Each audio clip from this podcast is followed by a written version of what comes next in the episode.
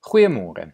Ek lees vanoggend vir ons 2 Korintiërs 4 vers 16 tot en met 5 vers 10 voor.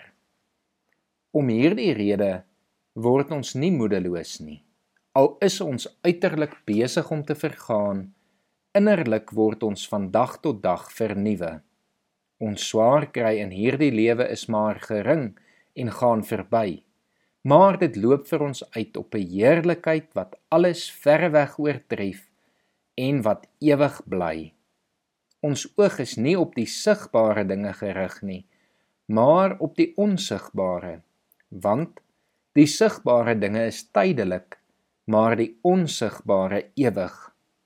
Ons weet dat wanneer ons aardse woning, wat maar 'n tent is, afgebreek word, ons 'n vaste gebou in die hemel het. Dit is 'n woning wat nie deur mense gemaak is nie, maar deur God en dit bly ewig staan. Terwyl ons in die tentwoning leef, sug ons want ons verlang daarna dat ons woning uit die hemel ons sal oordek. Ons wil nie ontklee wees en naak voor God staan nie. Ons wat nog in die tentwoning is, sug en voel bedruk omdat ons nie van die aardse liggaam afstand wil doen nie. Ons wil die hemelse bo oor die aardse aantrek sodat wat sterflik is verteer kan word deur die lewe. Hy wat ons vir hierdie oorgang voorberei het, is God. As waarborg hiervan het hy ons sy gees gegee. Daarom is ons altyd vol moed.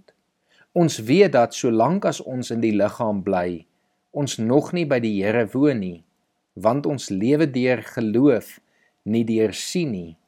Ons is vol moed en sou liewer ons verblyf in die liggaam wil verlaat en by die Here gaan woon. Maar of ons hier woon of daar woon, ons het net een wens en dit is om te lewe soos hy dit wil.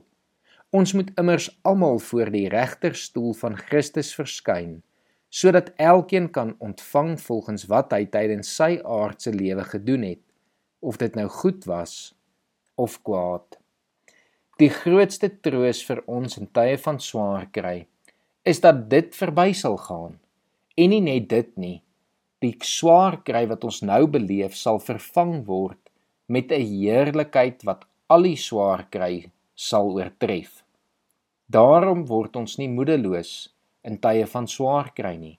Daarom bly ons gefokus op wat die Here wil hê ons moet doen. Daarom kies ons soveel soos ons kan vir die goeie in hierdie lewe en stry op hierdie manier teen die kwaad.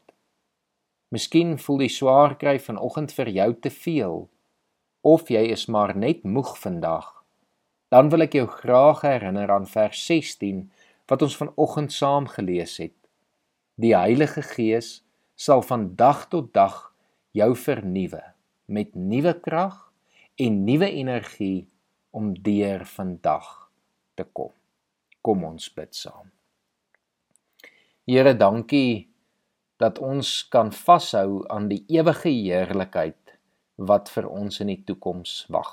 Here, dankie dat ons kan weet dat U ons nou al reeds voorberei daarvoor en dat alhoewel daar baie swaar kry in hierdie lewe is, en die swaar kry ons dikwels omring, ons kan weet dit sal verbygaan en dat U dit vir ons gaan vervang met 'n ewige heerlikheid wat alles wat ons nou beleef sal oortref.